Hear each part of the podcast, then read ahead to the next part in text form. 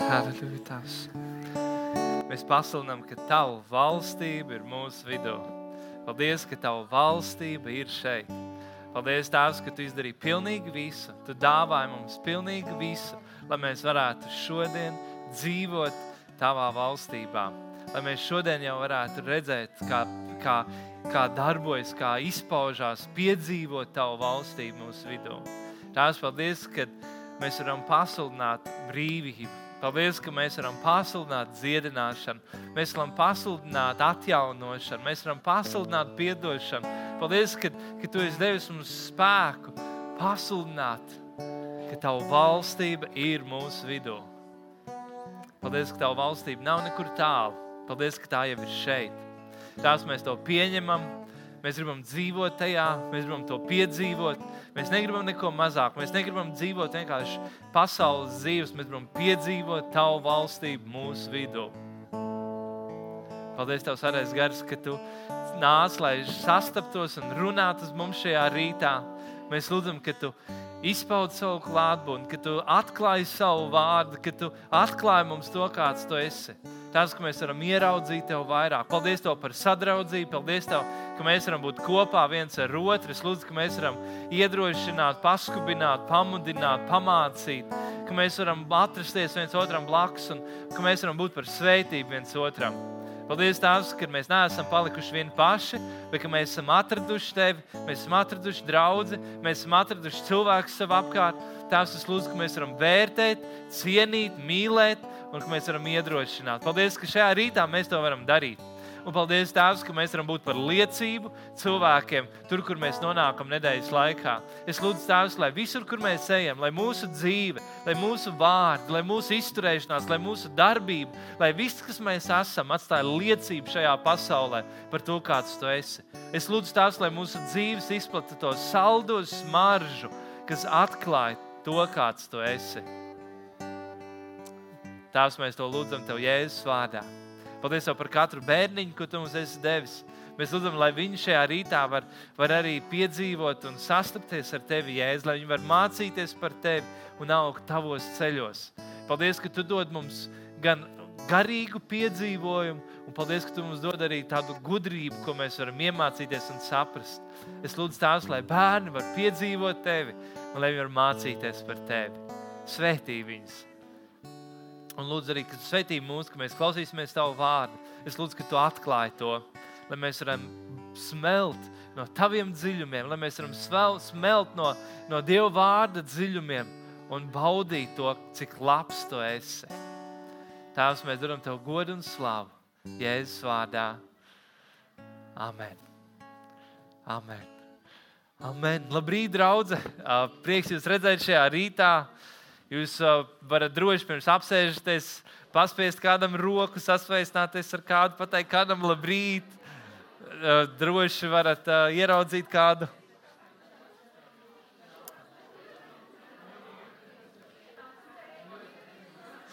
Pasaki droši kādam, ka tu priecājies viņu šodien redzēt.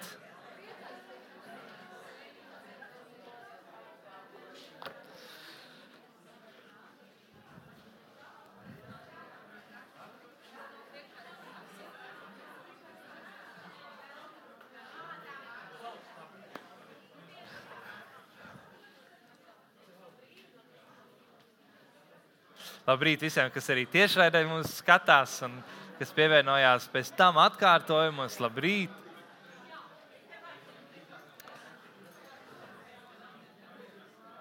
Prieks jūs visus redzēt!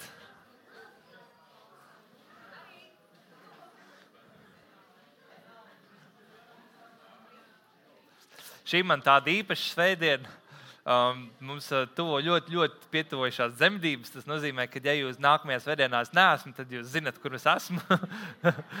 tā kā uh, mājās, jā. cerams, jau ka mājās, vai, vai varbūt vēl ne mājās. Bet, bet uh, tā kā šī ir tāda, nu, iespējams. Varbūt, ka jā, varbūt, ka nē, kas to lai zina, bet iespējams, kādas brīdiņas jūs neredzēsiet. Bet uh, šodienā Mums būs nākamās pāris svētdienas, tādi brīnišķīgi ciemiņi mums draudzē. Mums divas svētdienas pēc kārtas būs ciemiņi no Kuldīgas, no mūsu Kuldīgas draugas. Kuldīgznieki vispār sen nav redzēti Rīgas pusē. Un, uh, divas nedēļas pēc kārtas mums būs uh, ļoti forši, ka varēsim redzēt kuldīdzniekus, un, un, kas dalīsies gan ar vārdu, gan, gan vienā svētdienā slavēšanu vadīs, un gan jau kādu vēl liecinās un visu vis kaut ko pastāstīs. Tā kā dažas svētdienas jūs. Mani vairāk nedzirdēsiet, tā kā šodien aktīvi klausieties man sarunāts. uh, amen. Esat gatavi klausīties Dieva vārdu šim rītam? Ja? Un, uh, man Dievs lika vārdu sirdī no 2. pētera vēstules, uh, pirmās nodaļas, 3. un 4. pantu. Un, uh, divi panti, kurus mēs uh, izlasīsim. Pie 2. pētera vēstule, 1. nodaļa, 3. un 4. pants, tu droši vari uh, atrast, atvērt vaļā, un uh, mēs varam kopā izlasīt. Otrā pētera vēstule, pirmā nodaļa, trešais un ceturtais pāns. Un uh, tāda ļoti, ļoti skaista raksturvieta. Varam kopā izlasīt. Jums rādās uz ekrāna. Gan jau tūlīt tās parādīsies uz ekrāna, un tad varēsiet kopā izlasīt. Nu ko? O, gatavi? Nu tad lasām.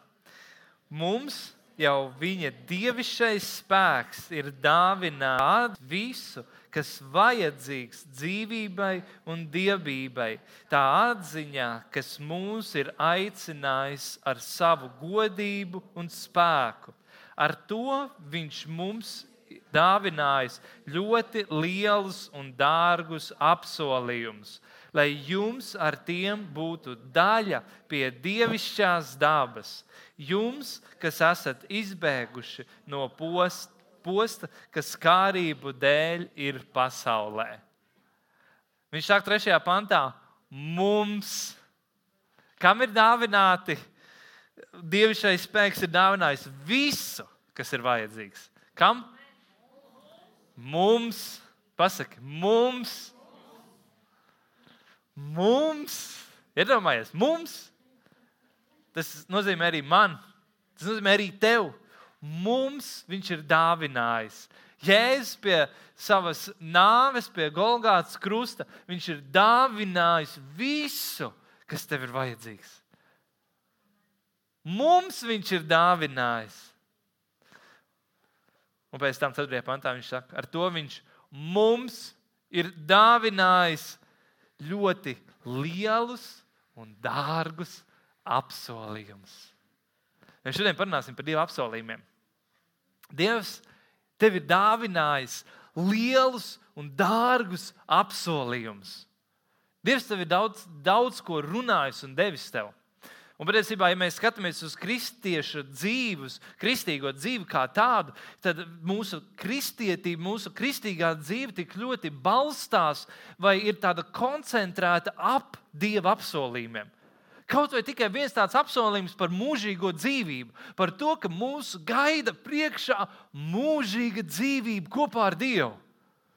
Tas ir viens no vislielākajiem, visdārgākajiem apsolījumiem, ko ja tu esi iegūmis savā dzīvē, kas pilnībā pārveido tev visu, kā tu redzi pasauli, kā tu redzi dzīvi, kā tu dzīvo, kā tu staigā.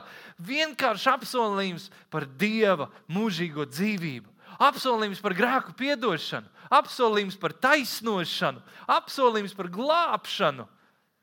Kaut arī tikai tādi vienkārši mazi apsolījumi, mazi, ja tā var teikt. Tādi vienkārši apsolījumi, bet kas pārveido un maina dzīvi. Bībelē ir e, cilvēki, kas ir skaitījuši, viņi saka, tā, ka Bībelē ir vairāk kā 7700 dažādu apsolījumu mums dot. Vairāk kā 7700 apsolījumu, kas ir rakstīti šajā grāmatā. Reizēm, kad mēs runājam par apsolījumiem, mēs zinām, to, ka Dievs runā caur savu vārdu, un ir lietas, kuras mēs izlasām, un mums vienkārši atdzīvojās mūsos, un mēs zinām, Dievs ir kaut ko apsolījis savā vārdā, Viņš ir rakstījis, un es to gribu satvert un gribu redzēt, kā tas vārds piepildās. Un reizēm Dievs uz mums runā kādas lietas, kas ir ārpus Dieva vārda, nu, kas ir, ir lietas, kas ir par šodienu, par ikdienu, par lietām, kuras mēs nevaram maši, izlasīt Dieva vārdā, par dzīvesvietu, par mašīnu, par dzīves draugu vai vēl visādas lietas. Ir lietas, kuras mēs tā varbūt neieraugam, bet kuras Dievs ieliek mūsos un ko, kur, kur nāk apstiprinājums caur viņu vārdu, bet mēs zinām, Dievs uz mums runā un dod apsolījumu par kādām lietām. Un es neprasīšu jums pacelt rokas, bet cik daudziem no jums Dievs ir devis kādu apsolījumu? Es neprasīšu pacelt rokas. Ja? Kā, lai, lai, bet es domāju, ka katram vienam, kas ir šeit, ka Dievs tev ir devis kādu apsolījumu. Un ir kādas lietas, ko varbūt tu pat neesi priekš sevis to nodefinējis vai noformulējis, ka Dievs man apsolīja. Bībeles terminos, Bībelē ir runāts par to, ka Dievs, tad, kad nebija nekā augstāk pie kā zvērēt, viņš zvērēja pats pie savu vārdu. Tā kā Dievs deva tādu negrozāmu apsolījumu. Un reizēm mēs tā īsti sev to nenodefinējam. Bet reizēm ir tādas lietas mūsu garā, mūsu sirdī. Mums ir vienkārši pārliecība, ka Dievs mums to runā uz mums, ka Dievs mums sagatavo, apsola, sagādā. Reizēm tas nav vārdos, Dievs man apsolīja. Reizēm tā ir vienkārši tāda iekšēja sajūta un pārliecība, ka ir kaut kas priekš manis. Un jūs visi zināt, kā tas, kādas ir tās, kad, ir, kad tev ir vienkārši pārliecība par kaut ko, un ka tu gribi turēties pie tā. Šodien mēs uh, Eh, lūdzām, un, eh, un eh, pēc tam, pēc lūkšanas, vienā brīdī Līns Tante pienāca pie mums lūkšanā, un, un Līns Tante teica, ka tiklīdz viņa atnāca, viņai uzreiz bija vārds priekš manis, kad Dievs tevi ieved apsolītajā zemē. Ja? Tāds bija tas vārds. Bībele runā par apsolīto zemi. Un mēs, kā kristieši, esam paņēmuši to terminu pie priekš sevis tā ļoti, kad ir kaut kas tāds, ko Dievs man sagatavo, kas ir mana apsolītā zeme, ko Dievs man grib dot, un, un man vajag iet tajā apsolītajā zemē. Ir kaut kas, ko Dievs man ir sagatavojis. Un kas ir tā tava apsolītā zeme? Kas ir tava apsolītā zeme? Kas ir tavs apsolījums? Kas tavā sirdī deg ar to pārliecību, ka Dievs man to ir sagatavojis? Apsolījumi, tie ir tāda, tāda sēkla, ko Dievs iesēja mūsu sirdīs, lai dotu mums cerību par nākotni. Jo apsolījums vienmēr runā par kaut ko tādu, kas šodien nav, bet kas mums priekšā gaida. Tas iedod mums cerību, tas iedod mums ticību, tas iedod mums spēku, ka mēs varam iet cauri lietām. Pētera vēstulē rakstīts par pravietisku vārdu, ka tā ir kā tāda gaisma, kā tāda lāpa, ko mēs ņemam, tad, kad mēs ejam cauri tumsai, lai mēs varētu visam iziet cauri.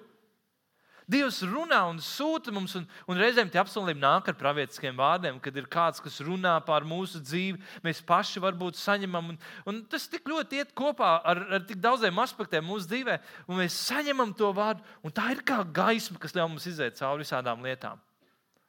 Tas kaut kas, kas runā par to, kas mums gaida priekšā, kas mums ir cerība. Tāda cerības sēkla Dieva ielikt mūsu sirdī. Un Dievs dod mums apsolījumus. Reizēm mēs mēģinām viens otram teikt, vai ir tādi, e, mēs, mēs tā nemēģinām teikt, bet mēs esam sastapuši tādus ticīgus cilvēkus, kas saka, nu tā kā nesaceries pārāk daudz. Jo, ja nu beigās tā nebūs, tev būs liela vilšanās. Nesaceries, ka Dievs tev apsola kādas lietas. Nesaceries, nesagaidi tik daudz, jo ja nu tas tā nebūs, tomēr beigās. Zinām to vai ne? Ļoti bieži mēs mācāmies dzīvot gudrībā. Man patīkās, es vakar klausījos tāds mācītājs Bills Džonsons no Amerikas. Viņš teica, to, ka cilvēki, kas rīkojās, kas kustās bailēs, kas rīkojās atbilstoši bailēm, to apkārtējie sauc par par cilvēku, kurš rīkojas gudrībā. Tāpēc, ka viņš rīkojas gudri un apdomīgi. Un ir cilvēki, kas rīkojas traki, jo viņi ir ticībā. Ticība vienmēr ir kaut kas tāds, kas, kas nav gudros vārdos vienmēr izsakāms vai izskaidrojams. Ticība ir kaut kas tāds, kas tā kā saķer un pieķerās pie Dieva runātā un teiktā apsolījuma, kā Jozua un Kāleps. Visi runā un saka par to, ka tā zeme ir ar lieliem milžiem, tajā zemē ir lieli nocietinājumi, tajā apsolītajā zemē ir kaut kas tāds, kur mēs nespēsim iet iekšā. Un cilvēks saka, tā ir gudrība. Bet mēs zinām, ka tās bija bailes. Bet Jozua un Kāleps Viņi saka, jā, tur ir tā. Bet mēs zinām, ka Dievs ir uz mums runājis. Mēs zinām, ka Dievs mums ir devis to zemi. Mēs zinām, ka Dievs mūs aicina uz to, kas nav gudri vārdi pasaulīgā izpratnē, bet kas ir ticības vārdi, kas saka, Dievs mums ir devis apsolīto zemi. Un vēl vairāk, tur ir rakstīts 14. nodaļā, 4. mūža grāmatā, tur, kur viņi runā, tur 9. pantā, tur ir teikts tā, ka, kad Jozo un Kāleps saka par to, ka nesacelsimies pret Dievu, neejot apsolītajā zemē. Bet zināji, ka tad, kad tu izvēlies neņemt apsolījumu, ko Dievs tev ir devis, tu sacelies pret viņu. Dievs dod tev apsolījumu, tas uzdevums ir ņemt. Nu, ko? Tad man tāds jautājums tev ir. Kā tev liekas, vai visi apsolījumi no Dieva piepildās? Vai visi Dieva apsolījumi piepildās? Vai tas piepildās automātiski?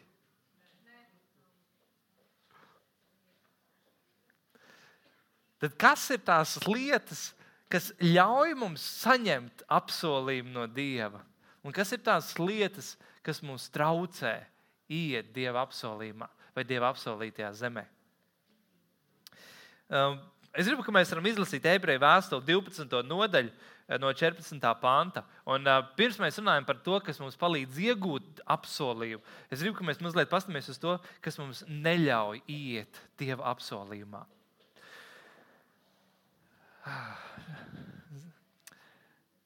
Man tāda vienkārši tāda sajūta, ka pāris nedēļas nebūšu un nevarēšu ar jums runāt. Nu, tā kā tāda pēdējā, pēdējā ceļa maize jums jāiedod. Kā, kā nezinot, kas ir priekšā. Ebreji 12. nodaļa no 14. panta tur rakstīts tā: Zenieties pēc miera ar visiem, pēc svētas dzīves, bez kā neviens neredzēs to kungu. Pielūgodam, ka neviens nezaudētu dieva žēlstību, lai nekāda rūkta sapne, augstu izaugus, jums nekaitētu un daudz ar to netikt apgānīti lai neviens nebūtu netikls un zemisks kā ēzaus, kas savu pirmzemtību ir pārdevis par vienu ēdienu. Jo jūs zināt, ka arī pēc tam, gribēdams iemantot apsolījumu, viņš tika atmests, jo netika dot iespēju atgriezties, lai gan ar asarām viņš to meklēja. Stāsts par ēzau. Rastīts, viņš nevarēja iemantot apsolījumu, lai gan viņš ar asarām lūdza un gribēja to. Kas notika ar viņu? Tēvs Īzaks, un viņiem piedzimst divi dēli - Jēkabs, Ēzavs. Divi dvīņi. Ēzavs piedzimst pirmais, Jēkabs piedzimst uzreiz pēc Ēzava. Izraēla tautā, tāpat kā daudzās citās tautās, bet ļoti izteikti arābu kultūrā, pirmdzimtība ir ļoti nozīmīga un svarīga lieta. Pirmdzimtais nes tālāk dzimtas mantojumu, dzimtas vārdu. Pirmdzimtais ir kaut kas ļoti nozīmīgs. Vienā dienā Ēzaus nāk mājās no savām medībām, un viņš ir ļoti izsalcis. Viņš sasmaržo lēcu virumu. Viņš sasmaržo smaržīgu ēdienu, un tajā brīdī viņš saka, dod man to ēdienu savam brālim, Jākabam, kurš ir tikko uzvārījis šo lēcu virumu. Un Jākabs saka, es došu tev, bet tu vispirms atdod man savu pirmdzimtību. Un Ēzaus saka, nu, ko es to neredzu, nevaru baudīt, ne taustīt, tagad man gribas ēst. Nu, tad lai tev ir, ko tu gribi. Es gribēju vienkārši lēcu virumu, dod man lēcu virumu, es paēdīšu par to. Ēzaus burtiski gribēja baudīt šodien to, ko viņš var iegūt, nedomājot par savu nākotni, nedomājot par to, kas ir priekšā. Viņš neskatījās uz apsolījumu, kas viņam ir dots kā pirmdzimtajam. Viņš neskatījās uz savām, to, ko viņš var iegūt, uz savām tiesībām, uz to, kas viņam pienāks. Viņš neredzēja vērtību, viņš neredzēja to, kas ir priekšā. Tā vietā viņš baudīja tikai to, ko šodiena var tev iedot. Viņš skatījās uz šodienu un labāk baudīja šodienu laimi un prieku, nekā skatījās uz apsolījumu, kas viņu gaida priekšā. Un tā rezultātā Ēzaus pazaudēja savu pirmdzimtību. Un Jānis pēc tam arī, kad tas viss nāca gaismā, Jānis bija tas, ko tēvs svētīja, un Jānis bija tas, kurš iemantoja to apsolījumu. Un Jānis bija tas, kurš kļuva par Izraēlu, kura vārdā mēs esam svētīti to joprojām šodien. Ēzaus izvēlējās šodienas baudu labāk nekā rītdienas apsolījumu. Tik ļoti vienkārša lieta, bet kaut kas, kas mums tik ļoti traucē saņemt mūsu apsolījumu. Cik ļoti eh, vēlns, ienaidnieks vienmēr un konstanti, kad viņš nāk un mūs kārdina, un tu zini, kas ir tās lietas, kas tev kārdina. Vai tas būtu kāds grēks, vai tas būtu kāda pārmērība, vai, vai vienalga, kas ir tā lieta, kas ir tavs kārdinājums. Bet vienmēr, kad vēlams nāk un kārdina, viņš tev kārdina un saka, nu tagad, nu izdari tagad, nu nedomā par rītdienu, nedomā par to, kas būs tālāk. Nu, bet tagad tev gribās, nu, bet tagad ir labi. Nu, Pasties, kā smaržo tie eklēri, vai kā viņi izskatās.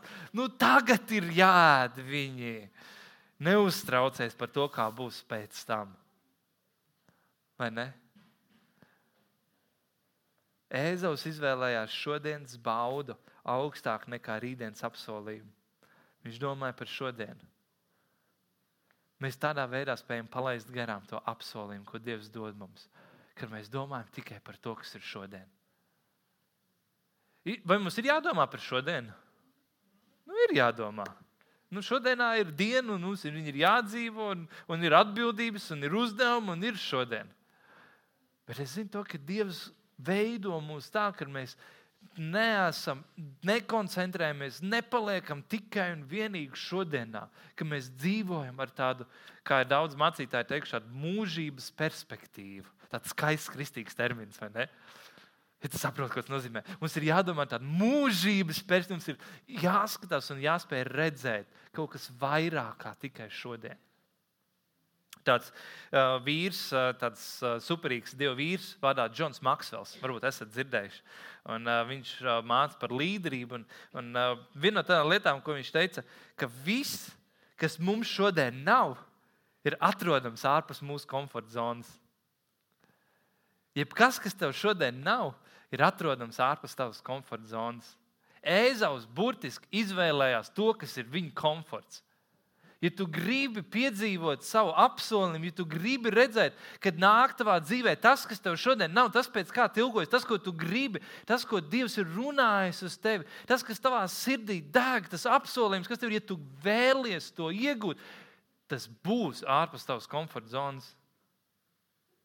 Tas atradīsies ārpus tava komforta, kur tev būs jāspēr kāds solis un jādomā vairāk par to apsolījumu nekā par šodienas komfortu. Mēs nevaram gaidīt, ka apsolījums vienkārši piepildīsies, ka tās lietas, kas ir priekšā, viņas vienkārši nāks un būs, ka viņas vienkārši automātiski notiksies, tad, kad es mierīgi un laimīgi izdzīvošu savu dzīvi. Mēs zinām, to, ka tā tas nav.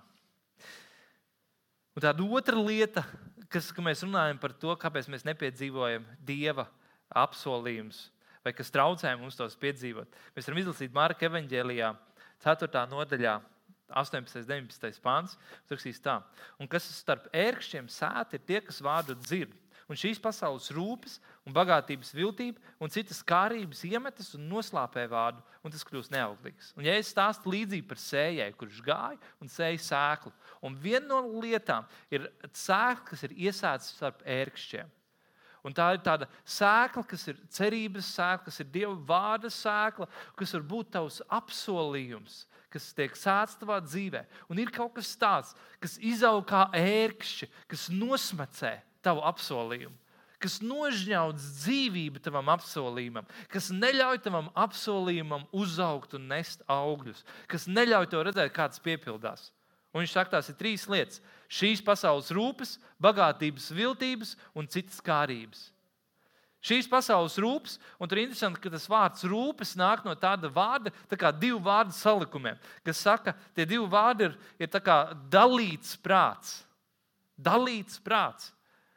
Kad šīs pasaules rūpes Būtiski tas nozīmē, ka nāk stress, tāds sajukums, raizes, nāk no tā, ka tavs prāts ir dalīts uz dažādām lietām. Tu it kā esi pie Dieva, te pašā laikā tu it kā esi pie pasaules lietām.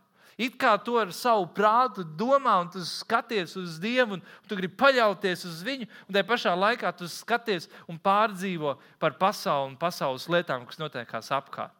Dalīts prāts. Es uh, dzirdēju vienu tādu stāstu par uh, cilvēku, uh, kurš. Uh, Ai, labi, nestāstīšu citai reizei. Bet uh, ir tik daudzas lietas, kur mēs varam iedzīvoties tādā stresā, pārdzīvojumos. Un tu zini no savas dzīves, kā tas ir, kad tu piedzīvo stresu, pārdzīvojumus tajā brīdī, kad tev ir jāizvēlās, un tev ir daudzas izvēles. Ir jums kādreiz bijis stress, ka tu aizēji uz restorānu un ir tik daudz kas garšīgs, un viss jau ir pasūtīts, un tu esi palicis pēdējais, un tev ir jāizvēlās. Un tu nevari izvēlēties, vai tu gribi ribiņus, vai tu tomēr gribi karbonātu. Un tu nevari saprast, ko tev vajag ņemt. Ir jums tā bijis? Nē, nu, piedodiet. Man gan tā reizēm ir. Tagad tev ir izvēles. Reizēm nāk pārdzīvojums un stress, un tu nesaproti, un tu mēģini visu kaut ko darīt. Tev jāizvēlas jauns telefons, tev jāizvēlas jauna mašīna, jāizdomā, kurā dzīvoklī tu iesi un īrēsi, vai kādu īpašumu tu pirksi, vai, vai kādu darbinieku tu pieņemsi darbā, vai ar kādiem cilvēkiem gribi strādāt. Bet tev nāk izvēles, un izvēles rada kaut kādu tādu spriedzi.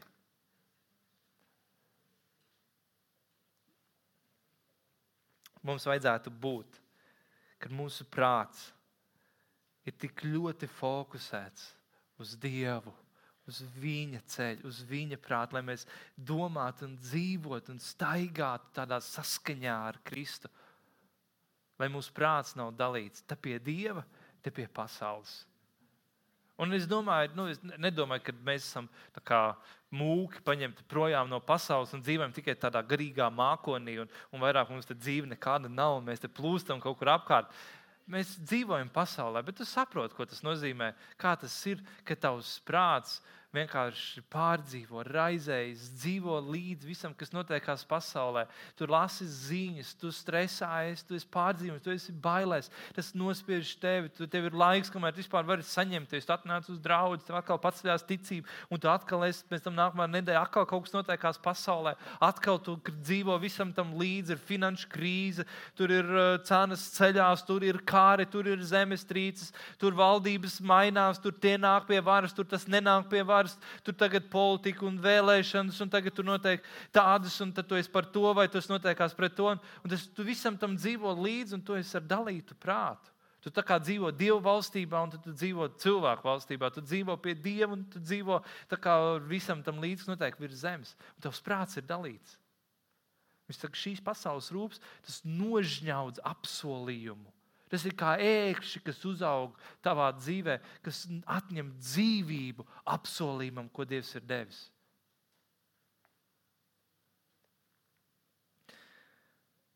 Otra lieta, viņš saka, bagātības viltība.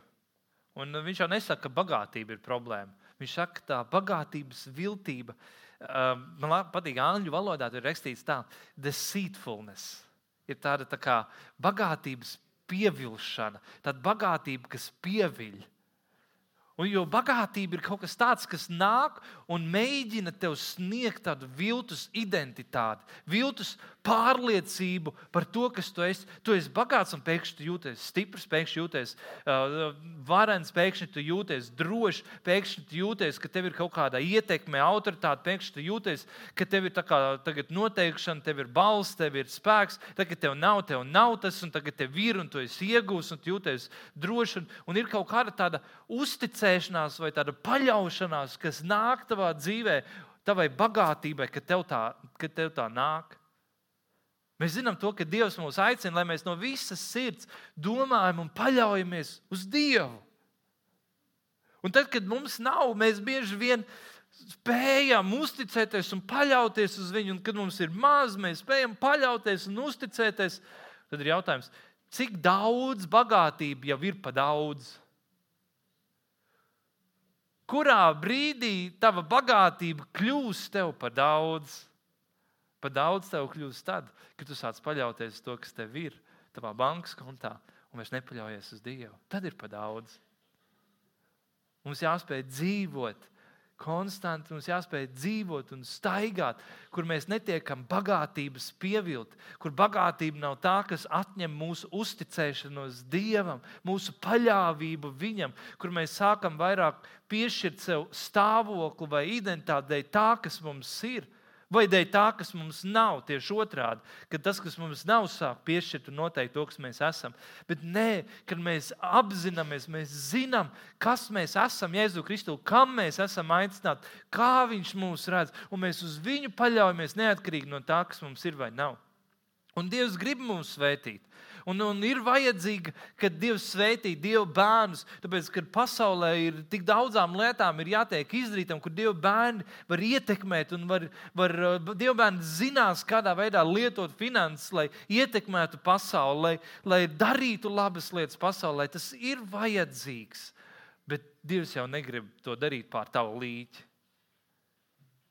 Un reizēm Iespējams, ir kaut kādas lietas, kas nenāk mums tādā apjomā, kā mēs varētu gribēt.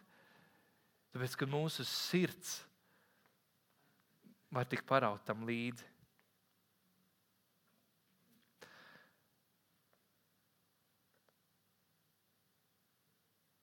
Un trešā lieta, ko viņš saka, ir citas kārības. Un interesanti, ka viņš saka, nu, ka ir uh, pasaules rūpes, bagātības, viltība un citas kārības. Nu, es nemaz neuzskaitīšu sarakstu, bet nu, vispārējais. Nu, tā kā ir divas lietas, ir rūpes, ir bagātība un, un vispārējais, ko tu varētu vēl iedomāties. Nemaz nesaukšu vārdos, kas tas ir, kas nožņauts tavu apsolījumu. Ir citas kārības, visas pārējās lietas. Nemaz nav svarīgi to visu uzskaitīt. Vienkārši viss pārējais, kas cilvēkam ir Cilvēks mēs dzīvojam, ka mēs vienmēr gribam kaut ko, kas mums nav. Mēs dzīvojam ar tādu salīdzināšanu mūsu dzīvēm. Un kādam tas ir izteiktāk, kāds ir spējis to uzvarēt, un tas ir mazāk, bet mēs dzīvojam ar tādu salīdzināšanu, kur mēs sevi salīdzinām ar cilvēkiem apkārt. Un vai tie būtu cilvēki, kas ir draudzē, mēs salīdzinām ar to, kas notiek viņu dzīvē, vai tie būtu kolēģi, vai tie būtu kaut kādi klases biedri bijušie. Un cik daudz no jums ir darījuši tāpatās? Kad tu skaties, tu ieraugi kaut kādu klases biedru, un tev liekas, pasies, cik daudz viņš ir dzīvē sasniedzis. Kur es atrodos? Ko es esmu sasniedzis? Es neko neesmu paspējis sasniegt. Pasies, kā viņam ir, pasies, ko viņš ir izdarījis. Un ir tik viegli iekrist mums tādā salīdzināšanas lamatās mūsu dzīvēm, kur mēs sev salīdzinām ar to, kas notiek apkārt. Un tieši tāpatās arī ar Dieva apsolījumiem, kad mēs redzam, ka apsolījumi piepildās kāda cilvēka dzīvēm. Un vēl jau vairāk ir piepildās tās lietas, ko Dievs arī man ir runājis. Un Dievs uz mani runāja par ģimeni, Dievs uz mani runāja par, par, par, par kaut kādām finansiālām lietām, par dzīves vietu, par, par nezinu, mašīnu, vai algu, un paaugstinājumu, un darba vietu, un biznesu un uzņēmumu. Vai Dievs manīm runāja par veselību, vai Dievs man apsolījumi ir par dziedināšanu, vai Dievs manīm runāja par kādu glābšanu, man tuviniekiem, bērniem, vīram, sievai. Dievs runāja, un es redzu, ka kādam citam tas notiekās. Un kas tad notiek ar mums? Un tā var būt tāda kārība, kurā mēs iekrītam tā salīdzināšana, vai tas, ko mēs redzam apkārt, kļūst par tādu kārību. Es gribu to, kas man nav, es gribu to, kas ir tam otram, un man nav. Un es sāku vienkārši lūgties pie Dieva, sāku nākt un mēģināt sasniegt, ka Dievs, ka man ar to vajag, tas mans arī apsolījums, un es gribu to savā dzīvē, un man vajag to ļoti manā dzīvē. Un zini, kas tas beigās kļūst? Tas beigās kļūst par ērkšķiem, kas nožņauts tavu apsolījumu. Jo tu zināji, ka Dievam ir unikāls ceļš ar tevi. Dievs unikāli darbojas tavā dzīvē, un Viņam ir kaut kas unikāls priekš tevis sagatavots. Dievam ir unikāls aicinājums priekš tevis.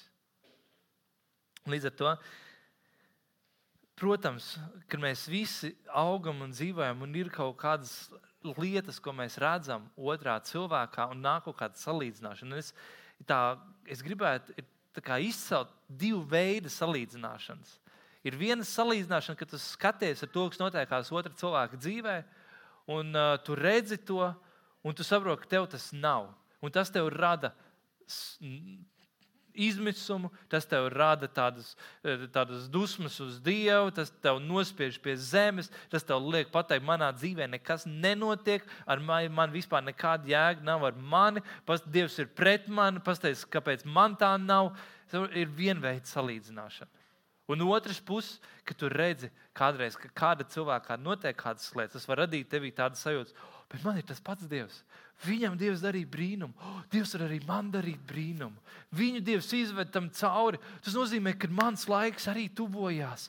Kas bija tas, ko viņš darīja? Varbūt viņš ir kaut ko tādu sapratis, ko es vēl neesmu sapratis. Es gribu saprast, no, es gribu dzirdēt no viņa, ko viņš ir sapratis, kur viņš iet, kāpēc viņš, viņš ir redzējis. O, oh, es redzu, kā viņš ir varbūt nodevies, kā viņš ir ticējis, kā viņš ir gājis cauri kādām lietām. Es, tas man izaicina vairāk ticēt, tas man izaicina vairāk lūgt, tas man izaicina celties, tas man izaicina vairāk vairāk nodoties, tas man izaicina vairāk sekot viņam. Saprotiet, ir pilnīgi atšķirīga tā salīdzināšana, vai ne? Piekritīsiet?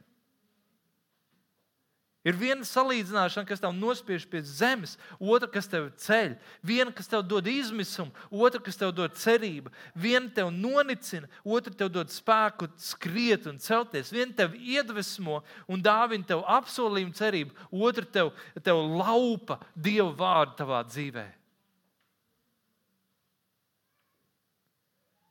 Tāpēc neļausim, ka tas dalītais prāts ka tev liekas, man vienkārši to vajag. Es vienkārši redzu, ka man to vajag, kad es tevi izceļu ārā no tava ceļa ar Dievu. Ziniet, kā tas ir, kā skrējējis skrien stadionā. Ir tādas sacīkstes, kur, kur katrs sāk no sava celiņa, viņi skrien un tad viss saplūst kopā. Bet tad ir tie, tie, tie, tie skrējieni, tie pārsvarā tie, tie īsais skrējieni, kur ir katram viņa celiņš un tev vienkārši tu sāc savā celiņā, un tev pa savu celiņu ir jāizskrien līdz galam, un savā celiņā tev ir jābeidz. Un tu nevari iekāpt otrā celiņā. Tev nav paredzēts pa labi vai pa kreisi. Viņš skrien savu ceļu, es skrienu savu ceļu, un mans ceļš ir tas, pa ko man ir jāskrien.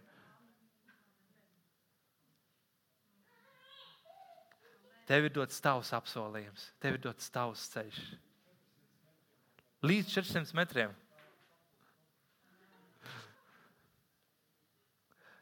tev ir dots tavs ceļš, tev ir dots tavs skrējiens. Un reizēm ir labi salīdzināt, redzēt, kas ir otram, redzēt, nu, ka tu redzi un dzirdi tās liecības. Nu, vēl mēs, mums ir laiks liecībām, draudzē. Ir labi dzirdēt liecības, jo tas tev var iedrošināt, iedvesmot. Tas var likt tev celties, saprast, es arī gribu, es arī gribu iet to ceļu. Un tā ir citādāka salīdzināšana. Tā nav salīdzināšana, kas tev grauj, bet tas tev ceļ. Tas nenožņauts tavu apsolījumu, bet tas liek plaukt tavam apsolījumam, tas liek augt tai sēklai.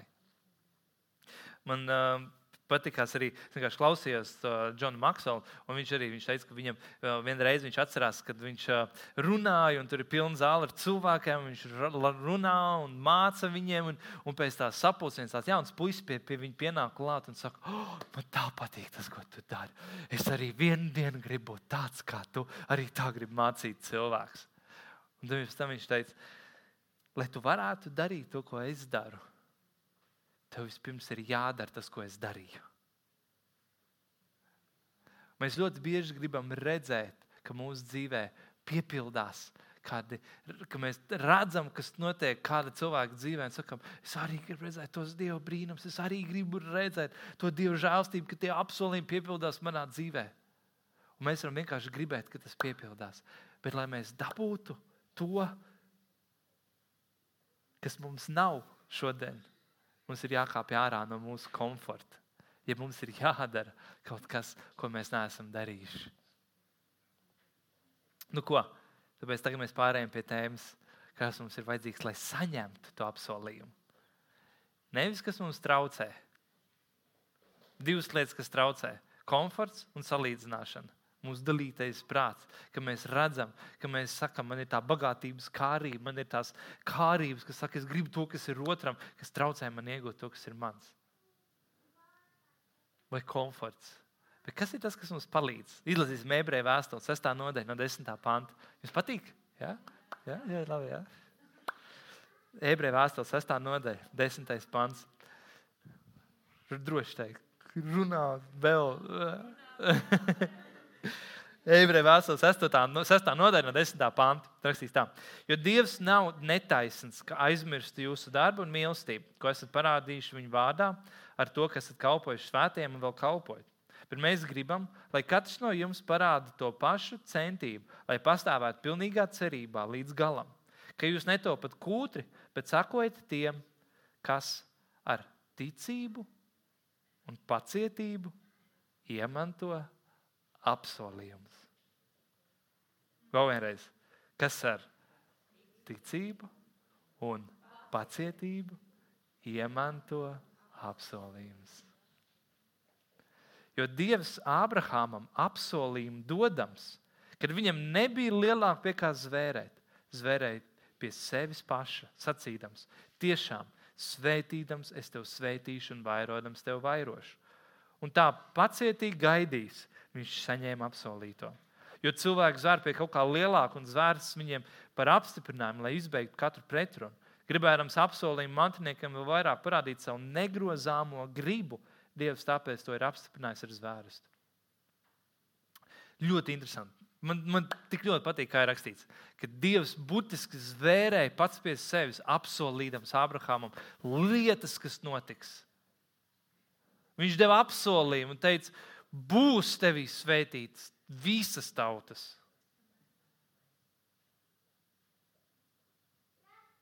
Bet joprojām viņš viņam teica, ticībā un cerībā saņemdams apsolījumu. Tas nozīmē, Dievs dod apsolījumu, bet ir kaut kas no manis vajadzīgs, lai es ietu tajā apsolījumā. Vai nevarētu būt tā? Es atceros viens uh, pravietis sen, sen atpakaļ. Man bija kaut kādi 11 gadi. Es atceros, es klausījos vienu pravietu, kurš teica, ka vienā dienā Dievs viņu uzved debesīs. Un debesīs Dievs viņam rādīja milzīgu autostāvvietu. Tā autostāvvieta bija pilna ar kaut kādu 1964. gada modeļu mašīnām. Pilna tur ar tā mašīnām. Viņš prasīja, Dievs, kāpēc tā mašīna ir, tā stāvvieta, tur ir tādas mašīnas pilnas ar. Un Dievs viņam teica, bija cilvēki, kas nebija gatavi, kas neticēja un nesaņēma to, ko es biju sagatavojis viņiem.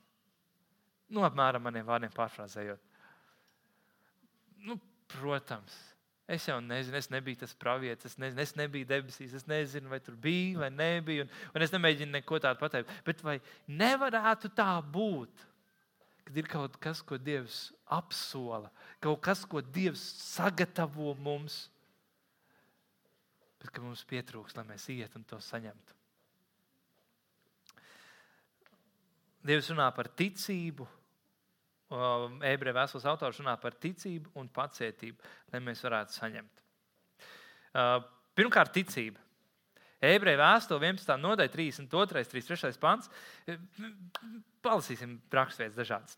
Tur rakstīs tā, un ko vēl lai saku? Man pietrūks laiks stāstīt par Gideonu, Baraku, Samsonu, Jeftu, Dāvidu, Samuelu praviešiem, kas ar ticību valsts uzvarējuši, taisnas darbus darījuši, apsolījumus saņēmuši, laurīgus aizbāzuši. Bija cilvēki, kas ar ticību saņēma apsolījumus. Turpat blakus tiem, kas lauva rīklis aizbāza un kas uzvarēja taisnus darbus darījuši, viņš tur svešus karapulkus uzvarējuši un vispārējo, bet kas ticībā apsolījumus saņēmuši. Tev ir vajadzīga ticība, lai tu iegūtu to apsolījumu, ko Dievs ir runājis uz tevi. Tev vajag ticību.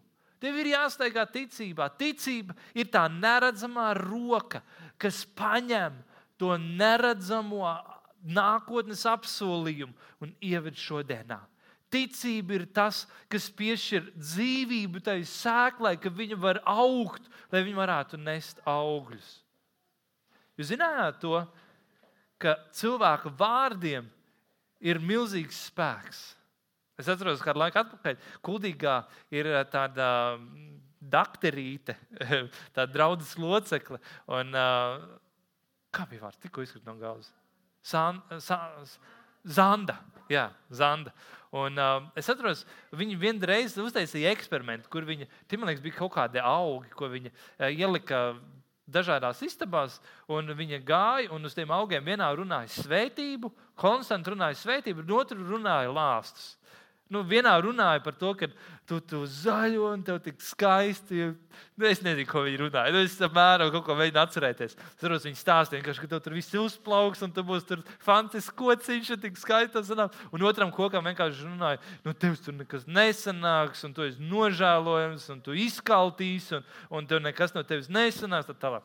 Un pagāja kaut kāds laiks, un viņi rādīja pēc tam burtiski, kā izskatās saknes tam kokam nu, tam, tam augam, kur runāja svētības vārdus, tas nu, tur viss bija izaudzis, plauka un zaļoja, un viss bija labi. Un tur, kur runāja lāsta vārdus, tur burtiski tās saknes bija izkautušas. Tur nebija dzīvība tam kokam. Iedomājieties, cik interesanti. Kādu spēku Dievs ir iedevis?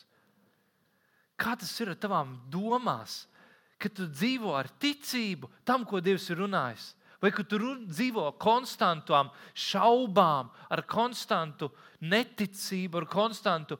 Tas jau nav priekš manis. Nu, man jau Dievs to nekad nedos. Nu, labi, visiem pārējiem, bet man jau Dievs to nav paredzējis. Un tu būtiski nogalini to vārdu, bet tu runā ticību, ka tu sagaidi, ka tu redzi, ka tu tur savā acu priekšā, ka tas būs, tas notiks, tas izdosies. Dievs liks tai svētībai atnākt, Dievs liks tām lietām notikt, Dievs piepildīs to apsolījumu. Man ir ticība, ka tās lietas notiks, kad es redzēšu tās lietas īstenojamies un piepildamies. Un, lai gan gadi iet, bet es vēl joprojām ticu un es runāju ticību, es domāju ticību, es dzīvoju dzīvoja ticībā, ar ticību apsolījumus saņēmuši. Ebreju vēstule 11, 11. Ticībā arī tā pati Sāra spēja kļūt māte, neraugoties uz vecumu, jo turēja par uzticamu to, kas devis apsolījumu. Ticībā viņa varēja kļūt par māti, tādēļ, ka viņa ticēja, ka Dievs ir apsolījis pat vecumdienās, lielā vecumā, ka Dievs var piepildīt to, ko viņš ir runājis. Romiešiem 4. nodaļa, 19. panta.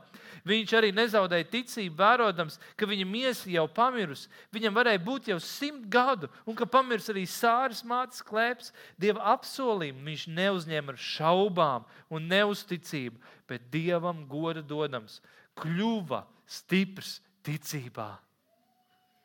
Pilnīgi pārliecināts, ka Dievs to, ko viņš ir apsolījis, spēj arī darīt. Tāpēc arī tas viņam tika pielīdzināts par taisnību. Ābrahāms kļuva stiprs ticībā, pilnīgi pārliecināts, ka Dievs to, ko viņš apsolīja, spēja arī darīt. Divas vienkāršas lietas, ko es gribēju vēl no tā pateikt. Pirmkārt, mēs nepiedzimstam stipri ticībā, mēs kļūstam stipri ticībā. Tas, ka tu šodien neesi stiprs ticībā, super, tu esi pareizā ceļā. Mēs neviens neesam super stipri savā ticībā. Viens stiprāks, viens, otrs, viens vājāks, bet mēs visi varam atrast sev tajā vietā, kur es kļūstu stiprs ticībā. Es eju uz tā ceļa, es atrodos tā ceļa, kur es augu un es kļūstu stiprs ticībā. Vai tā nav superīga ziņa? Ko?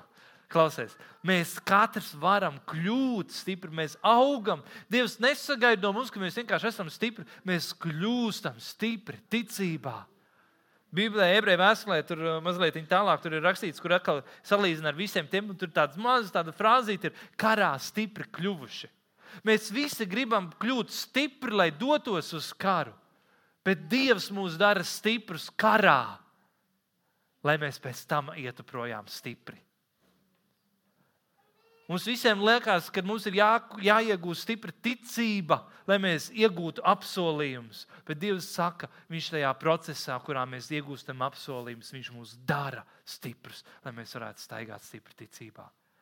Tas ir pilnīgi otrādi. Tev nav jābūt stipram, lai iegūtu apsolījumus. Tev ir jākļūst stipram, tev ir jāaug ticībā, tev ir jāiet ticībā, lai iegūtu apsolījumus. Un otra lieta,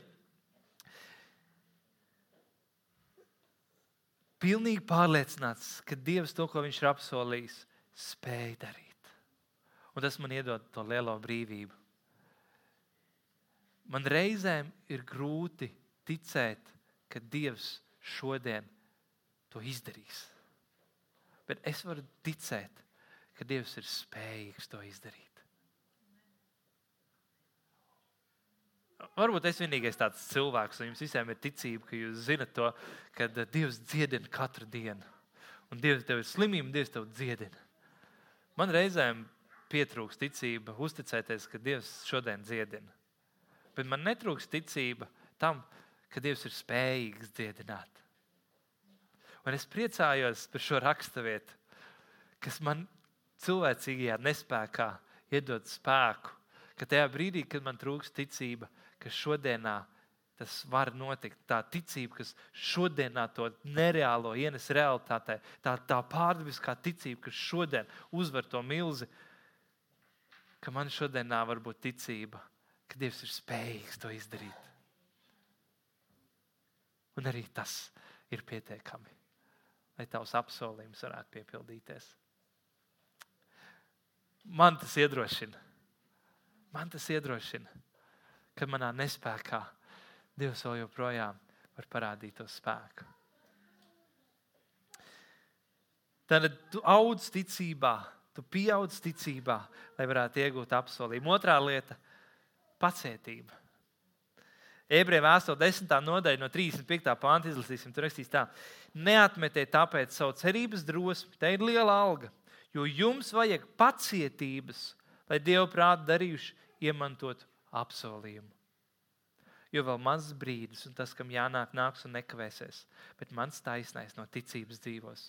Bet uz to, kas atkāpjas manai dvēselē, nav labs prāts. Bet mēs neesam tie, kas atkāpjas uz pazušanu, bet kas tic un iemanto dzīvību. Ziniet, tad, kad mēs ticam, tad, kad mēs esam tikuši galā ar to pirmo lietu, un mēs esam nolikuši sev tajā vietā, kur labi, es ticēšu. Dievs ir runājis, Dievs ir devis savu apsolījumu, Dievs ir devis savā vārdā, Dievs uz manā garā ir devis. Es ticēšu. Es sāku ticēt, ka Dievs ir spējīgs, es kļūstu stiprs savā ticībā, es augstu savā ticībā, es ticēšu, ka Dievs darīs. Tad nāk mums otrā cīņa, kas nozīmē, es varu ticēt un ilgstoši ticēt. Es varu palikt pacietīgs, es spēju sagaidīt. Jo tad tā problēma jau nekļūst par to, vai Dievs darīs, bet problēma kļūst par to, kad Dievs darīs. Problēma kļūst tajā laikā, tajā laika izteiksmē, kur mans laika mērogs man laika izteiksme nesakrīt ar Dieva laika izteiksmi.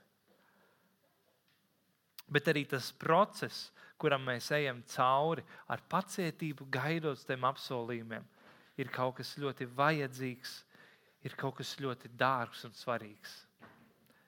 Zināja tādu lietu, ka bez gaidīšanas nav apsolījuma. Jo, ja tev nebūtu jāgaida, tas nebūtu apsolījums. Apsolījums pēc definīcijas nozīmē, tev ir jāgaida. Tev vajadzīga ir pacietība. Ja Dievs ir runājis un devis tev apsolījumu, tā ir lāpa, ko iznes cauri tumšam ielai, ko iznes cauri tumsai. Tas nozīmē, tev ir jāgaida. Tev ir jābūt pacietīgam. Tu nevari padoties. Tu nevari atmest plinti krūmos. Tu, tev ir jāgaida.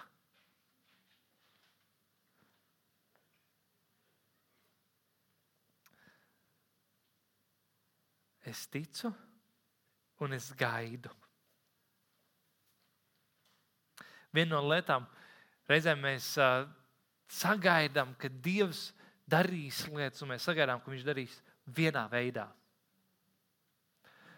Mums ir vajadzīgs kaut kāds brīnums, un mēs sagaidām, ka būs tieši viens veids, kādā veidā tas piepildīsies. Un mēs sagaidām, ka tas ir tas apsolījums Dievam no mums, priekš mums. Mums ir problēma finansēs, un mēs sagaidām, ka Dievs iedos mums darbu. Mums nav darba, mēs sagaidām, ka Dievs iedos darbu. Un reizēm nenotiek tā, kā mēs esam sagaidījuši. Mēs reizēm ieliekam tādā veidā Dievu kā tādā būrītī, kā tādā, tādā rāmītī, ka mēs sakām, šādi tev Dievs ir jādara, šādi tev ir jārīkojas. Un jebkas ārpus tā, jau ir kaut kas, kas ap mums rada tādu neapmierinātību vai, vai ne prieku par to, ko Dievs dara. Mēs sagaidām, ka Dievs darīs tādā vienā veidā. Kad mēs staigājam pacietībā, mums ir jāatcerās, ka mums ir jā, jāspēj paļauties uz to, kas Viņš ir. Neatkarīgi no tā, vai neieliekot viņu noteiktā rāmītī, kā viņam tas ir jāizdara. Vai mēs neliekam savu paļāvību uz noteikta veida, kā lietas piepildīsies? Mēs ļaujam Dievam darīt. Arī tas ir noteikti citādāk, nekā mēs to sagaidām. Sap, saproti? Jā, jā. Apsveic darbi, pirmā nodaļa, 7. pants. Un to sapulcinājis viņš tiem pavēlēja neaiziet no Jeruzalemes, bet gaidīt tēva apsolījumu, ko jūs, tā viņš sacīja, no manis esat dzirdējuši. Vienkārši draudzība pati sākās ar vienkāršu lietu. Dievs deva apsolījumu, gaidi.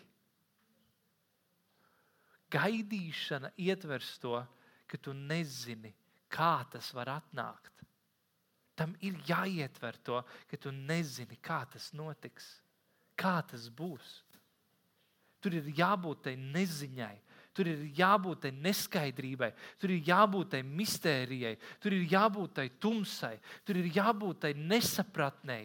Tur ir jābūt tam, ka tu nepieķeries pie noteikta veida, kā tas īstenosies.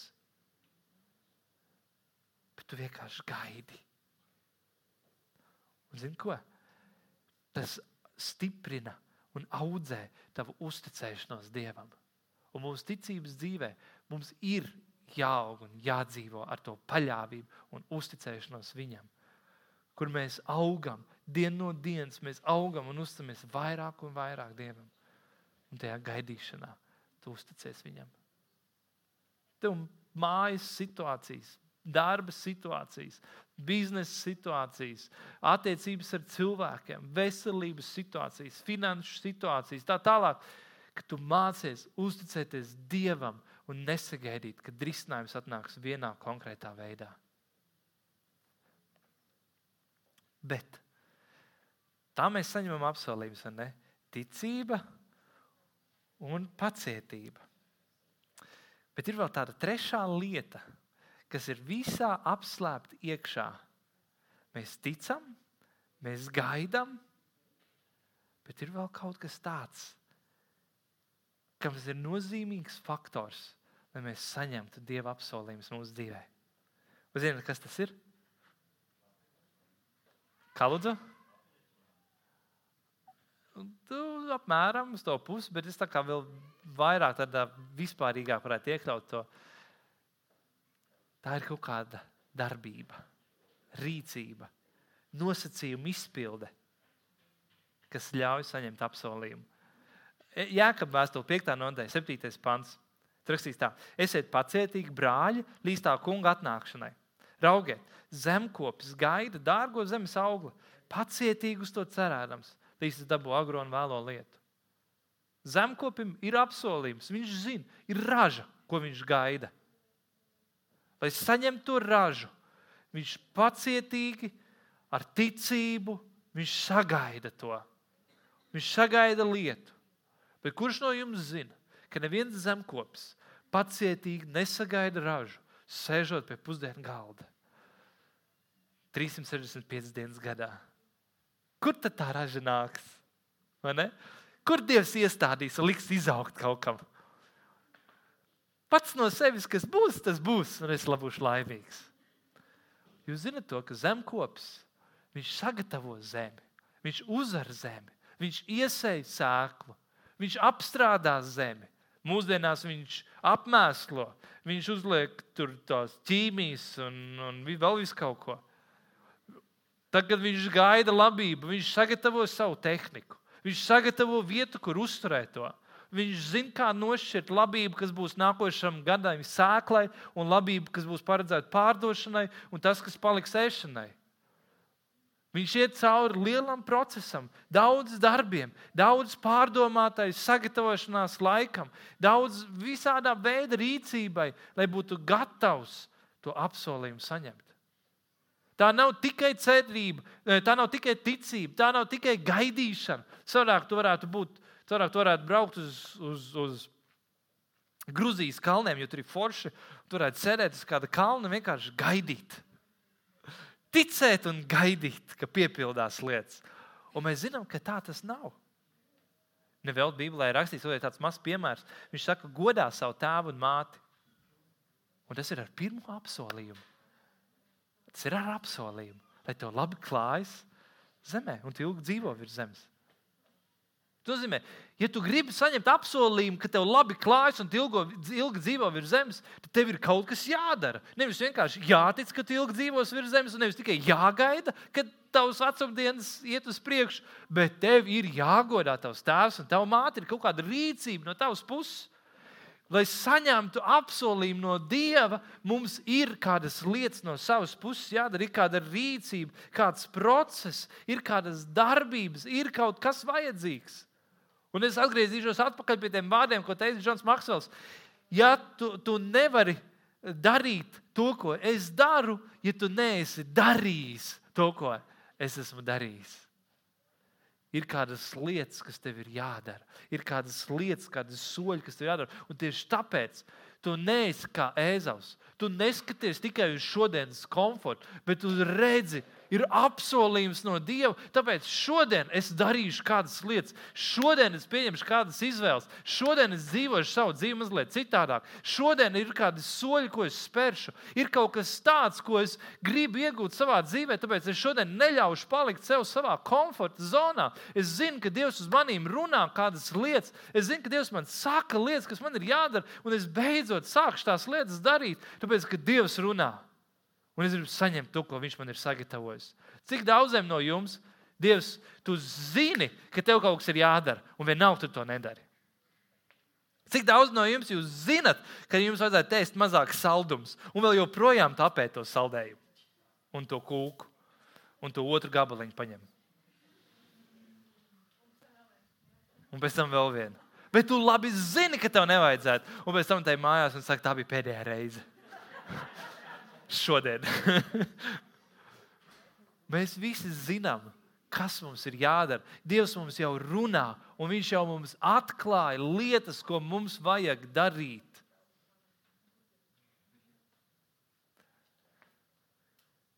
Divus gadus es zināju, ka man vajag būt vadītājam draudzē Rīgā. Nu, nosacīti zināju, es cīnījos ar to domu. Un vajadzēja divus gadus, lai es varētu pieņemt to izaicinājumu un varētu kļūt par vadītāju šeit Rīgas draudzē. Es domāju, ka daudzi no jums joprojām cīnās ar lietām, ko tu zini, kas tev ir jādara, kādi ticības soļi tev ir jāspēr, kādā virzienā tev ir jāiet, kāda atbildība tev ir jāuzņemās, bet tu to nesaņemies izdarīt. Bet zināji to, ka katrai sezonai tavā dzīvēm ir kādas lietas, kas mainās, kā tev ir jādzīvo. Izraēla tauta bija, tu, bija Eģiptes zemē, un viņi bija vergu stāvoklī. Un viņi tur kaut ko darīja, bet nekas viņiem nepiederēja, nekas nebija viņu īpašums. Viņiem nebija lauki, kurus apstādīt, viņiem nebija, nu, tur varbūt kāda dobība, bet, bet, viņiem, bet tas nebija viņiem viņu zeme, ko viņi varētu kopt un rūpēties un audzēt un tā tālāk. Viņi bija kalpi. Te viņi nonāk tūkstnesī, un viņi ir vienkārši klejotāji. Viņi ir klejotāji, kuriem vēl joprojām nekā nav. Nav zeme, nav vieta, viņiem nekas nepieder. Un ko Dievs sagādā, tas viņiem arī ir. Manna no rītiem, paipals pa dienu, ūdens no klints, Dievs deva viņiem ir un viņiem pašiem nekas nav jādara. Kurpes viņiem nenodilst, apģērbs viņiem nenodilst, un viņi laimīgi, nu cik laimīgi, bet viņi dzīvo tūkstnesī. Un ir pilnīgi citādāk, kā bija dzīvot Eģiptē un kā ir dzīvot tūkstnesī. Un tagad viņi ir apsolītajā zemē. Viņi nonāk tur, kur Dievs bija runājis un teicis, tur piens un medus tek. Tur jūs dzīvosiet namos, ko neesat cēluši ēdīsiet no laukiem, kurus neesat stādījuši. Jums būs brīnišķīga, fantastiska zeme, un viņi tur nonāk. Un uzmaniet, kas viņiem tagad ir jādara. Nu, viņiem jāsāk celt mājas, viņiem ir jāsāk stādīt lauku, viņiem ir jāsāk rūpēties par ganāmpulkiem, viņiem ir jāsāk padzīt, padzīt meža zvēru, viņiem ir jāsāk izcirst kokus, kur vajag nolīdzināt zemes, viņiem vajag sākt darīt un strādāt. Un viņš vairāk nevar sagaidīt, ka Dievs dos mannu no debesīm un paipals. Jo māna ir apstājusies, paipala ir beigusies, ūdens ir apstājies tecēt. Ir cita sezona, ir cits laiks un ir cita rīcība vajadzīga. Tu dzīvo pie vecākiem, tu dzīvo vienā veidā. Tu sāc dzīvot viens pats, tu dzīvo mazliet citādāk. Tu aprecies. Tev dzīve jau ir mazliet citādāk, un tev ir cita atbildība. Un tev piedzimst bērni, un vēl tev dzīve mainās. Katrai sezonai ir savs veids vai sava atbildība, ir lietas, kas tev ir katrā sezonā jāmaina un jādara citādāk. Tas nāk ar pieaugšanu. Tu pieaudz, Dievs tev ved tālāk uz priekšu. Ir pieaugšana, kas nākusi tavā dzīvē, un ir lietas, kas notiek citādāk šodien. Un tu nevari palikt vakardienā, un vakardienas laikā un sezonā savā dzīvē un domāt, ka tā kā es tad funkcionēju, es varu šodienā funkcionēt. Tas, kā bija kādreiz, tāpat tās būs tagad, un būs jau labi, ja es tāpat tās dzīvošu. Tā nav. Un nav labi. Un tas, kas vakardien bija pietiekami, ticība, kas vakardien bija pietiekama, ticība, cerība, pacietība, tā dzīve, kuru tu dzīvoji, kā bija vakardien ar Dievu, šodienā Dievs tev var aicināt lielākā atbildībā. Var vēl minūtīt, ja? Ko tas nozīmē? Tas nozīmē, ka ja Dievs tev aicina šodienā iet apsolījumos, iet jaunās lietās, ja Viņš tev rāda un atklāja kādas lietas, tad būs kaut kas no tavas puses, kur tev vajadzēs vienkārši atsaukties viņam un teikt, jā. Ņemt, kāpt ārā no sava komforta, uzņemties atbildību, uzņemties risku, darīt kādu rīcību, iet kādu ceļu, kur tu neesi iepriekš gājis, darīt to, ko tu neesi iepriekš darījis, tāpēc, ka Dievs tev devis ir apsolījumi. Un tad, kad tu turi to apsolījumu savā priekšā, tad, kad tu ticībā vari uz viņu skatīties, tad tu nebūsi ēzavs, kurš pārdos savu apsolījumu pret šīs dienas komfortu. Tu varēsi iet un to paņemt. Kādiem no jums Dievs runā vienkāršas lietas? Pavadīt laiku ar Dievu Kādiem no jums varbūt jau zina, sen to es kaut kur atstāju to malā un, un nolicis to un, un aizmirsis kaut kur. Un, un, un tas ir kaut kur aizpeldējis tavā dzīves steigā un ritmā. Un tu kaut kur dziļi iekšā, tu visu laiku zini, man vajadzētu laiku ar Dievu, man vajadzētu lasīt Bībeli, man vajadzētu, lai, lai tiešām lai man ir tādas attiecības ar Dievu, lai tas nav tikai tāda, tāda rutīna vai kaut kāda reliģiska rīcība. Man vajadzētu, ka es tik patiesi varu pazīt tēvu, un, un man var būt saruna ar viņu, un kad es viņu varu dzirdēt, man vajag attiecības ar viņu. Un, un varbūt tev, tu zini, ka tev to vajag. Tu joprojām neko neesi darījis. Vienu gadu, divus gadus, varbūt trīs gadus, varbūt četrus gadus. Un varbūt tieši tagad Tev nav vairāk laiks, tev būtu tūkstnesī, ir laiks būt apsolītajā zemē. Un tev ir laiks sākt kaut ko darīt. Pamosties no rīta ātrāk, aiziet vēlāk, gulēt, atvēlēt laiku pa dienas vidu, aiziet pie pusdienu galda, atvērt savu bībeli, nezinu, atrast to veidu, atrast to vietu, atrast to, to, to kā tas tev strādā un funkcionē, kur tu pavadi laiku ar Dievu. Varbūt Dievs tev sen aicina kalpošanā. Varbūt tu zini, ka Dievs tevi ir aicinājis kalpošanā. Nu, varbūt tev, tu, tu zini, ka Dievs tevi ir aicinājis sludināt. Varbūt tev šodien neviens nepiedāvā iespēju stāvēt priekšā un sludināt. Bet ir lietas, ko tu vari darīt. Tu vari būt nodoties kalpošanā. To, kas kalpo, pamanīs. Nevis to, kas vienkārši sēdēs savā vietā. Un varbūt tev ir jāpievienojas, varbūt jāiet uz svētdienas skolu kalpot. Varbūt tev ir jā, jākalpo pie tehnikas, varbūt tev ir jākalpo cilvēkiem, varbūt tev ir jāierauga un jāiet, un tev Dievs jau sirdī liek kādus vārdus, vai iedrošinājumus, vai tev pamudina.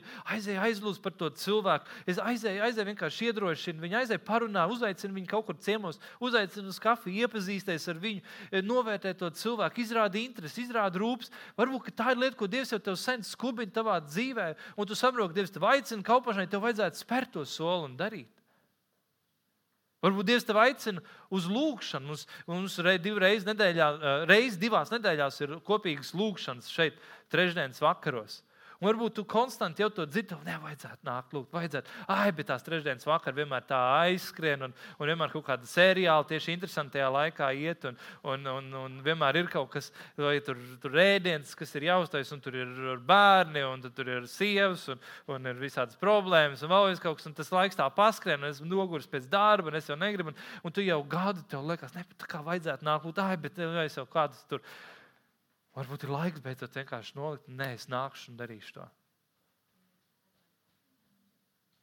Varbūt tev ir grūti skaļi izteikt lūgšanu, un tu atnāc uz lūgšanām, tu pievienojies lūgšanām, varbūt pirms draudzes dievkalpojumā šeit, un, vai slavēšanas laikā saka, tagad mēs visi skaļi jūs atveriet savus mutes, un mēs tagad lūgsim, un tu tur stāv, un liekas, kaut man neviens nedzirdēt, un kā es tas nevaru, un kaut kur iekšā tevī sēž, tas ne man vajadzētu, es gribētu lūgt, es gribētu atvērt savu mutu, bet es tā kā nevaru saņemties, man tā kā kauns, man tā kā nav komfortabli to darīt, un viņi pārējie tik skaisti lūdz, un pasies, kā es lūgšu, es nevaru divus vārdus vārdus salikt kopā normālā tekstā. Un, un man latviešu valodā bija trīnieks, un es nevaru. Un tu zini, ka Dievs jau uz tevi sen runā. Un varbūt ir laiks vienkārši sākt darīt. Saņemt apsolījumus nenozīmē abstrakti ticēt un nenoteikti gaidīt uz kaut ko. Tas nozīmē, tāpēc, ka tu tici, tu gaidi un tu rīkojies. Tu dari. Ja Dievs runā uz tevi, tu dari. Un tagad tu paskaties, un tu mēģini salīdzināt tas, kas nožņauts tevi. Tā vietā, lai tu ieraudzītu un skatītos, oh, paskaties tur uz Ilmāru un Velgu. Un, un paskaties, kādi viņiem skaisti bērni. Un, un, un, un viņiem ir tie bērni tādi tik mīļi un forši. Un, un pasties, kā viņi tagad ceļ māju sev, un mārupē viņi ceļ māju, un nopirkuši zemi, un tagad ceļ tādu Rīgas buržuļu, ir mārupē, un, un pasties, un, un tas ir, cik viņiem labi iet dzīvē, un, un ceļojumā tur var aizbraukt vai vēl kaut kur, un viņi ir svētīti, un pasties, kāpēc, un kā man iet dzīvē. Tā vietā, ka tu pasties, kas tev nožņauts, tad tā pasties, kā viņi kalpo kā viņi gadiem ir veltījuši savu dzīvi un ir vienmēr bijuši gatavi. Pirmie, kas atnāk, pēdējie, kas aiziet. Kalpošana, kur liekas, es negribu to darīt, man tas neinteresē, man nepatīk. Un es jau esmu pateicis, ka es to nedarīšu, bet joprojām es daru, tāpēc ka vienkārši nav kas to izdara cits. Ir vajadzīgs, ka kāds to izdarītu, un esmu gatavs uzņemties. Es negribu to darīt, bet tāpēc, ka man paprasīs, vēl joprojām to izdarīšu. Es esmu gatavs nodoties. Vajadzīgs nākt uz lūgšanām, es atnākšu. Vajag augt, vai kaut kādā atbildībā, vai augt kaut kādos, uh, vajag augt un no, iegūt iegūt briedumu, un, un tev vajag, tu nevari palikt tajā bērnu ticības stāvoklī. Labi, es darīšu, kaut man tas nezinu, kā sanāk, nes kā man izdodas, un, bet es darīšu, es iešu to ceļu. Un tad tu skaties, kā Dievs viņu svētī. Ja tu gribi redzēt tos apsolījumu piepildību kāda cilvēka dzīvē, kas notiekās savā dzīvē, pastāstiet, ko viņš ir darījis. Pastāstiet, kādu cenu viņš ir maksājis. Pastāstiet, kā viņš ir dzīvojis, pastāstiet, kādu sēklu viņš ir iesējis, pastāstiet, kā viņš savu tehniku ir sagatavojis, pastāstiet, kā viņš savus šūņus ir uzcēlis, pastāstiet, kā vi, viņš ir izdarījis, lai viņš būtu gatavs tai pļaujai. Un tad, kad tā pļauja nāk, nav vairs brīnumu, jo viss jau bija sagatavots. Amen. Foršs vārds. Vai ne? Man tas iedrošina. Tā kā pietiks staigāt pa tūkstnesi un gaidīt, ka Dievs pabaros tevi. Vajag strādāt un pašam pabarot tautu. Vai ne? Es atceros, man ļoti iedrošināja kāds cilvēks. Viņš teica, ka Dievs ved mūs cauri dažādām sezonām. Un ir tāda sezona, kurā mēs lūdzam Dievu pēc brīnumiem un Dievs pārdabiski dara brīnumus. Pēdējā brīdī, neticamākajā notikuma momentā, kad tev nav ko ēst, pie durvīm piezvana kāds ar pārtiks maisu. Tajā brīdī, kad tev nav kur dzīvot, tev pazvana kāds un piedāvā dzīves vietu. Tajā brīdī, kad tev nav darba, tev pēkšņi uzrādās kāds, kurš te uzaicina darīt darbu, kur tu nekad neesi mācījies darīt. Pilnīgi jaunā jomā, jaunā vietā, un tev izrādās, tas ir tavs sapņu darbs, kur tu dzīvo no brīnuma uz brīnumu. Tad tas mācītājs teica, un tā ir dzīve tuksnesī. Bet Dievs tev vienmēr grib ievest apsolītajā zemē, tajā vietā, kur nevis tev tu gaidīsi zvanu pie durvīm, bet ka tev būs, un tev būs vairāk kā vajag, un tu varēsi svētīt tos, kas ir apkārt. Viņš tev ievedīs cita līmeņa svētībā. Tajā vietā, kur tev būs darbs, tu būsi priekšzīmīgs. Tu darīsi to kā tam kungam, un to viss ievēros. Un teiks vienkārši, es gribu cīnīties, lai dabūtu tevi pie sevis savā uzņēmumā. Es, es man norīkoju veselu čūpu ar headhunteriem, kas tagad mēģina tevi dabūt pie sevis un pārvilināt. Kur tu staigā apsolītajā zemē un tu dzīvo svētībā. Un arī tāda sezona. Un nav tā, ka viena ir sliktāka, un otra ir labāka. Viena ir, ir kaut kāda svētība, un otra nav svētība. Ne, tas ir vienkārši cits līmenis, kurā Dievs tevi ievada. Kur viņš piepilda savus apsolījumus tavā dzīvē, kur viņš tev ir izvedis cauri tūkstošiem, kur tas iemācījies uzticēties un paļauties uz viņu, kur tas iemācījies neļaut savai sirdī skriet pakaļ tai bagātībai, bet tavs sirds stāv skaidri Dievu priekšā. Amen. Piedodiet, šodien bija gari bet jūs man kādu laiku nedzirdēsiet. Tad uz atvadām, lai jums ir ko gramot. Piecelsimies kājās.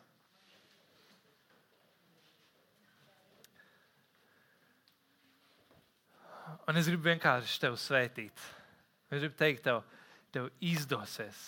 Dievs ir tevi izredzējis, Dievs ir tevi aizglābis, Viņš ir tevi aicinājis kā mēs iesākām pašā sākumā.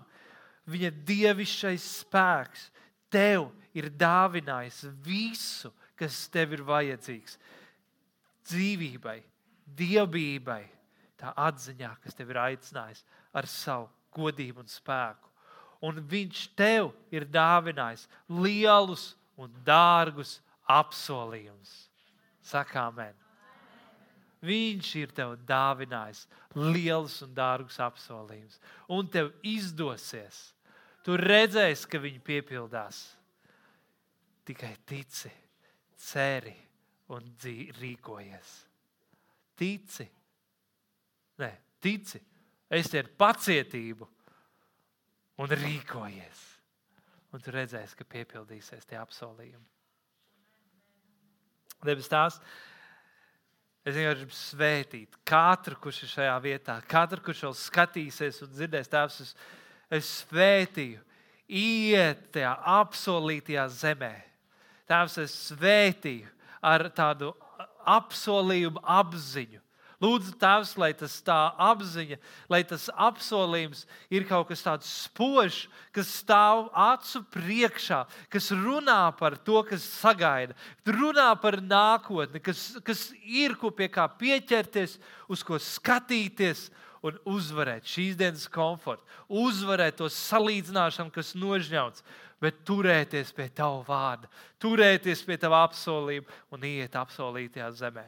Tēvs, paldies, ka tu sniedz cerību, tu sniedz ticību, un ka tu palīdzi mums kļūt stipriem ticībā. Es lūdzu, Tēvs, lai katram aug tā ticība, aug pacietība, un ka mēs varam darīt, būt darbīgi, darīt to, kas mums šodien ir jādara. Tēvs, es sveitīju tavus bērnus. Tēvs, es sveitīju Tēvs, lai katrs viens var iet un var redzēt, kā apsolītās zemes milži tiek uzvarēti, kā apsolītās zemes mūri tie nosabrūk, un lai neiespējamais kļūst iespējams. Jēzus vārdā to lūdzu tev. Un viss teica: Amen. Amen. Ejam pēc apsolītās zemes iesi pēc apsolītās zemes, ko? Tu zini, ka tev ir dota apsolītā zeme. Un es gribu teikt, kā teica uh, Jozua, uzmanies, ka tu nesacelies pret Dievu, neejot uz to zemi. Uzmani sevi, ka tu nesacelies pret Dievu, neejot pēc tās zemes, ko Dievs ir tev apsolījis. Ej pēc apsolītās zemes, līdz tu nonāc tajā un tu vari dzīvot tur. Amen. Viss. Amen.